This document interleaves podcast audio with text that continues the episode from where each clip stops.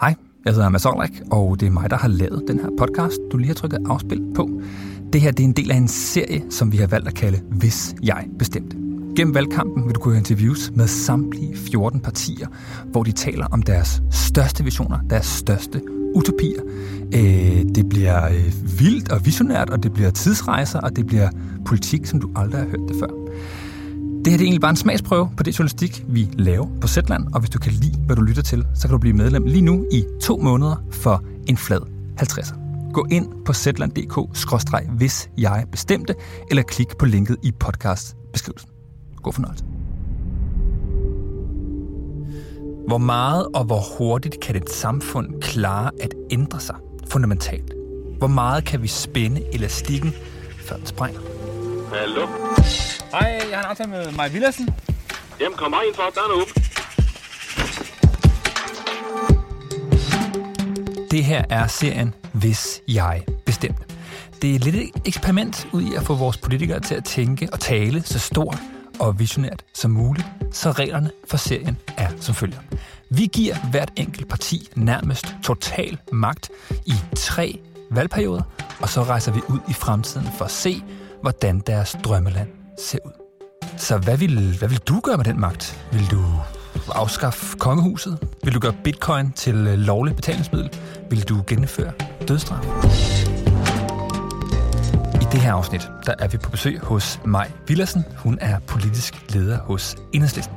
Og hun taler om en fremtid, hvor øh, kødet er blevet betydeligt dyrere nede i køledisken, øh, hvor den danske tekstilindustri er, om ikke væk, så i hvert fald fundamentalt forandret. Men hun taler så om at genskabe noget af det vildeste natur, Danmark engang har haft. Godt, lad os gå ind i det. Det er nu 2035. Mm. Ved et øh, fascinerende turn of events, der fik du og dit parti magten i 2022, mm. øh, og har haft den i tre valgperioder. Og vi skal se, hvordan verden, hvordan I har gjort verden til et federe sted. Ja. Hvor skal vi hen? Lige nu er vi i en kano på øh, Jyllands største sø. Bolinsund, Djursland. Den var der for 150 år siden. Men nu har vi genskabt den. Sikret, at alt, alt det, der var landbrugsjord, det er nu øh, holdt op med at blive drænet og holdt op med at blive dyrket. Og nu er der simpelthen vand. Der er nærmest vand, så langt øjet rækker lige nu. Vi kan se ud over et helt fantastisk naturområde, hvor man bare kan mærke livet summe. Der går dyr rundt og græsser sådan langs bredden, som man kan se en gang imellem. Øh, ikke for ligesom at passe noget særligt, men for ligesom at lave noget naturafgræsning, så, så planterne blomstrer vildere. Man kan høre siv, der knitrer rundt i kanten, og insekter, der sådan nærmest øh, glider hen over vandkanten. Og nogle gange lyder der et plop, og så bliver en af dem fanget øh, nedefra af en fisk. Insekter, som er kommet igen, som ikke var i særlig høj grad før. Ser, hvordan fuglene flyver. Der er stære, der er måske rovfugle, man kan sidde og holde øje med. Nogle gange, hvis der kommer sådan en stor flok af gæs eller fugle, så kan man høre vingerne eller skrigene fra dem. Der er også shelters og vandreruter og steder, hvor folk går og er i naturen. Står på paddleboard eller sejler i kano. Der er også nogle få byggerier og boliger, men det meste det er natur, så, så det er relativt roligt og fredeligt i området. Hvor mange problemer har den, har den løst, den her sø? Den har løst rigtig mange problemer, både med øh, vandstandsstigninger i nogle områder, så den er faktisk, det, man kan godt kalde den klimasikring. Den har også sænket CO2'en, ikke helt vildt, men delvist, fordi en del af de jorder, der blev dyrket, var ikke særlig klimavenlige at dyrke. Så er naturen jo bare braget tilbage, øh, ja, hvilket har været fuldstændig fantastisk i, i et område, der ellers er, var ret forarmet mm. i virkeligheden. Hvis vi hæver blikket og kigger på, på Danmarkskortet, altså hvor, meget, øh, hvor mange steder er det her sket, at man har rykket rundt på, hvad jorden blev brugt til? Det er sket rigtig mange steder. Vi har faktisk nærmest lavet et nyt Danmarkskort. her, hvor vi står i, på Djursland, er nok det vildeste eksempel. Men, men der er sket rigtig meget øh, med, med vores arealer. En del er blevet taget ud af drift til natur, ligesom her. Der er også kommet ret meget mere skov i Danmark. Så fra vi har vendt os til altid at kunne næsten kigge ud på åbne vider, så er der mere skov at kigge ind i. Og det er fordi skoven skal være med til at binde CO2. På den måde, så, så ser landskabet også anderledes ud. Okay. Hvad var sådan det første, I var nødt til at gøre, da I tog magten der tilbage til 2022, for at få det her til at ske? Jamen, vi var nødt til at skabe en, øh, en jordbrugerfond, hvor vi puttede en hel masse penge ind, som skulle bruges til at opkøbe alt det her natur mm. øh, og alt det her landbrugsjord. Hvor mange penge kom ind i den der fond? Der kom rigtig mange milliarder ind i fonden. Nogle af pengene kom fra øh, at fremrykke noget pensionsbeskatning, noget blev, var låneoptag, ligesom vi også gjorde under øh, coronakrisen og i andre kriser, så så vi også klimakrisen, den skal vi handle på. Mm. Og noget andet fandt vi ved at aflyse en del af de store motorvejsprojekter og andre sådan fossile projekter, vi synes var, øh, var forfejlede og forkerte. Det gav mm. ret mange penge, blandt andet til at oprette det her område øh, på Djursland. Så hvad, hvem fik ikke motorvej? Der var også områder for, i Østjylland for eksempel, øh, Midtjylland, jamen der var også en større øh, motorvejsstrækning i Nordsjælland, som man aflyste. Mm. Ring 5, der var forskellige projekter, som, øh, som vi stoppede. Enhedslistens plan for at finansiere de her forandringer er, øhm, nej var, øh, vi er jo i 2035, øhm, den var ret konkret. Da de overtog magten, begyndte de med at hapse af de største formuer. De begyndte at opkræve 1% i klimaskat fra alle, der havde en formue på over 35 millioner kroner. Øh, formuen blev regnet ud fra alt, altså dine aktier, de huse, du ejede. Hvis alt det til sammen var 35 millioner kroner værd, så kostede det en procent om året i skat. Det skabte øh, stor furore selvfølgelig, men det gav 16 milliarder årligt til statskassen. Og den her skat blev så stille og roligt hævet op igennem 20'erne. Og det er jo interessant øh, i sig selv, øh, men det mest interessante er alligevel de svære prioriteringer, som ikke handlede om penge, men som handlede om, ja, nærmest at udpege vinder og tabere. Jeg kommer selv fra, hvad kan man sige, oprindeligt fra et område, øh, hvor del af min familie arbejdede i tekstilbranchen i Vestjylland, og den måtte jo omstille sig meget for mange år siden.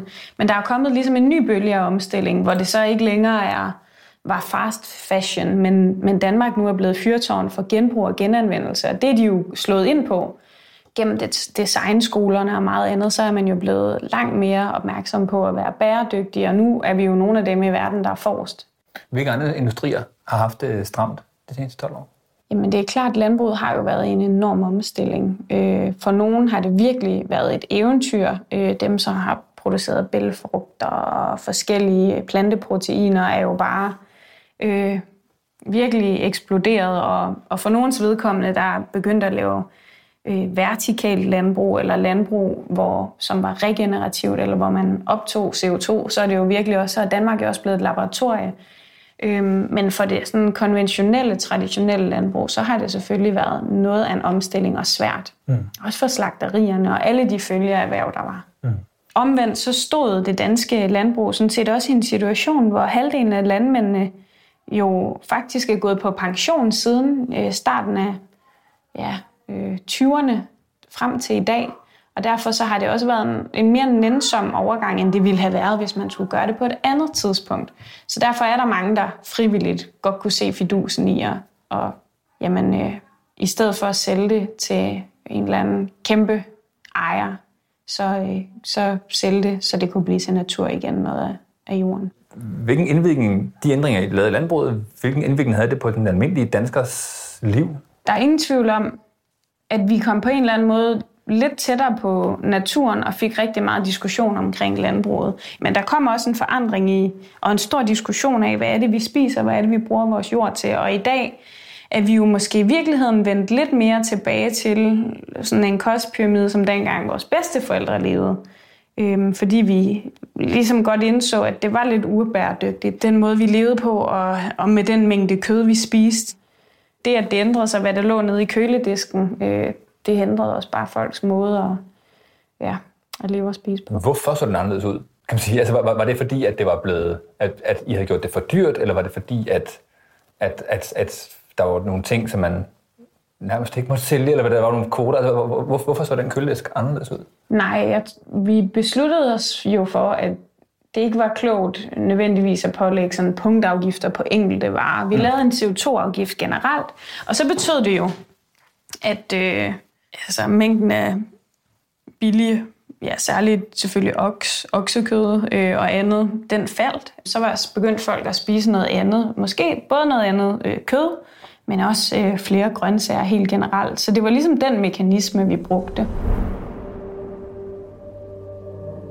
Okay, nu er vi ved at bevæge os fra de sådan lidt abstrakte tanker om forskellige industrier til, hvordan det er anderledes at være borger her i enhedslistens samfund anno 2035. Vores vaner er forandret, fordi nogle af de vaner er blevet for dyre simpelthen. Den klassiske kritik af det er, at den slags forandringer rammer hårdest i bunden af samfundet. Det rammer dem, der har færrest penge at købe mad for. Øhm, det har enhedslisten valgt at gøre noget ved med at udstede en grøn check, som ligesom får lidt penge til at øh, klare igennem. Men forandring rammer også ret mange jobs, mange af dem også i den nedre del af lønningsskalaen. Og alt det leder jo hen til spørgsmålet om, hvordan man kan skubbe samfundet gennem den grønne omstilling, uden at grave grøfter og uden at folk demonstrerer i gaderne. I virksomheder, altså hvis øh, det er slagterier eller industri osv., det er jo også steder i samfundet, hvor at, øh, lønnen måske ikke er den vildeste. Altså, det er jo det er ret mange af de mennesker, som man også snakker om, I gerne vil, I gerne vil passe på i overgangen, mm. som, også, som også bliver ramt af, mm. af den der forandring. Hvad krævede det at, øh, at, at lave en, en, en pude for det, så at sige? Det var helt enormt afgørende at lave en pude og lave en, en grøn omstilling, som betød, at der var jobgaranti for de mennesker, så snart de ikke kunne være nødvendigvis i den branche, de var i allerede. Og der var det helt vildt vigtigt for os at se på, hvad kan man sige, Danmarkskortet og sørge for, at der ikke var nogen områder, der blev de store øh, øh, tabere i omstillingen. Mm. Og derfor så var det meget, meget vigtigt for os at lave den her øh, grønne jobgaranti, som i virkeligheden betyder, at vi sørgede for at omskole folk og hjælpe med uddannelse, nogle ordentlige dagpenge, der sikrede, at man ikke øh, blev nødt til at gå for hus og hjem eller tilbage og fortælle sine børn og familie, at nu kunne man ikke lave det, man plejede, eller spise det, man plejede, fordi man øh, var blevet hårdt ramt af den grønne omstilling. Hvor, i, hvor hen i landet var det, var det hårdest for en, for en industriarbejder? Altså, der var jo nogle områder af landet, hvor der var rigtig meget... Øh, og i virkeligheden stadig er en del øh, industri, men hvor, hvor omstillingen skulle ske meget hurtigt. Det var altså i Vestjylland, hvor jeg selv kommer fra. Der var også udfordringer på Lolland Falster, som jo har de her su- øh, sukkerroefabrikker, hvor vi sagde, at den gasledning, jeg tænkte, jeg anlæg, den er altså ikke klog at anlægge, og derfor så skulle de lave en stor oms- omstilling, der var dyr for virksomheden, som gjorde, at den også i en periode måtte skalere ned. Mm. Nu er den så op igen, så derfor var der også store udfordringer dernede. Et område, som jo i forvejen havde det øh, ret svært altså, så investerede vi jo også en masse penge i både øh, naturnationalparker, naturgenopretning, som der var ret mange jobs i, også at få skabt. Mm. Så man tog jo ligesom også folk fra de anlægsbrancher over i at lave noget andet, og samtidig så har udskiftningen til vedvarende energi jo fyldt sindssygt meget, så øh, i virkeligheden så er det ikke øh, arbejdspladser, der har manglet. Når jeg lytter til Maja Villersens vision her, så forestiller jeg mig den her elastik. Øhm, der var så mange kriser der i 2022, som vi skulle løse på samme tid. Der var biodiversitet, der var mental sundhed, øhm, der var underkøbet en økonomisk krise på horisonten, og oven i alle de kriser, eller i sammenhæng, vil nogen måske sige, så skulle vi så skubbe samfundet så hurtigt som muligt igennem en alt forandrende grøn omstilling så var der tidspunkter, hvor enhedslisten var nødt til at mindske grebet for at undgå, at elastikken sprang. Så hvad kunne vi ikke i de år, som du ville ønske, vi havde kunnet? Altså i årene fra... I årene fra 22 og, og, og frem, hvor, vi, hvor, vi skulle, hvor, hvor samfundet var hårdt spændt for i forhold til at lave omstilling. Hvad vi ikke kunne? Vi kunne jo så meget, fordi enhedslisten havde 90 mandater. Ja. Men det udfordrede jo.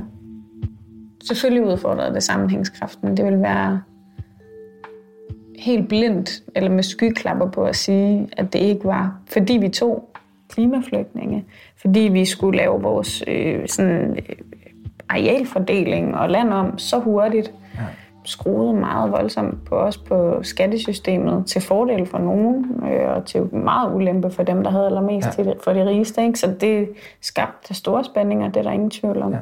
Og så er vi jo klart også prioriteret ressourcerne på noget frem for noget andet. Ja. Men det var ikke lige helt svar på spørgsmålet. Hvad, hvad, hvad, hvad skulle man gøre? Hvad var det vigtigste for den der sammenhængskraft? Eller var, var der nogle kompromiser, vi var nødt til at tage for at få sammenhængskraften til, at, øh, til stadig at være der, der øh, her 12 år senere? Mm, ja, omstillingen kom jo ikke på, fra den ene dag til den anden. Man blev nødt til at indfase den. Mm. Jeg er der ingen tvivl om, og vi er heller ikke klimaneutrale endnu. Det bliver vi om nogle år. Mm. Det er klart, der kunne man godt ublu bare have hugget ned over landskabet og sagt, nu øh, lukker halvdelen af jer. Og sådan, sådan valgte vi ikke at gøre. For os at lave en eller anden art indfasning af noget, der jo i forvejen skulle gå ret hurtigt. Mm. Det var det ene. Det andet var, at man bliver nødt til, i, i min optik, at spænde et meget stærkere sikkerhedsnet ud, over, ud under folk. Selvom jeg faktisk ikke, mange har jo ikke haft behov for det, men det er vi blevet nødt til, øh, for at skabe en tryghed, som efterhånden var ret udhulet i vores samfund. Og så vise, at man samtidig også godt kan skabe andre gode forbedringer, det tror jeg var ret vigtigt. For eksempel i vores velfærd. Så hvad, hvad var du nødt til at gøre, når man sidder som statsminister i sådan et klima, der og var nødt til at gøre så mange ting, mm. og stadigvæk har sammenhængskraften som en post-it, der, der ligger på ens skrivebord? Hvad, hvad, hvad, hvad, hvad, hvad, hvad tvang den post-it jer til at gøre? Mm, jeg tror, når man står i en krise så voldsom, så bliver man nødt til at være meget klar over for folk, at vi, vi kommer måske ikke til at komme tilbage til den virkelighed, som vi er i nu. Vi bliver nødt til at gå sammen ind i en forandret verden, og det var helt mm. vildt vigtigt at kommunikere meget klart, at det kommer til at blive, blive anderledes, hvis det skal blive godt. Det her var den politiske leder for Enhedslisten, Maja Villarsens bud på, hvordan hendes Danmark ser ud anno 2035. Jeg hedder Mads Orlak, det er mig, der har interviewet. Sandra Mia Susgaard og Nils Mann Lundsgaard har sørget for ja, alt andet nærmest. Som sagt, det her det er serien Hvis jeg bestemte, og der er flere partier og flere afsnit på vej. Glæd dig. I, på det tidspunkt? ja. ja. Hvor gammel er jeg så? Hvornår var det? 35? Ja, det er 35. Hvor mange år er det til 30? Der er jo 12 år til, ikke? Ja. Så du er blevet... Du, er, du er midt i 40. Ja, jeg er Mette Frederiksen alder, det passer glimrende. Vi tager jo ikke højde for, at vi har en rotationsordning.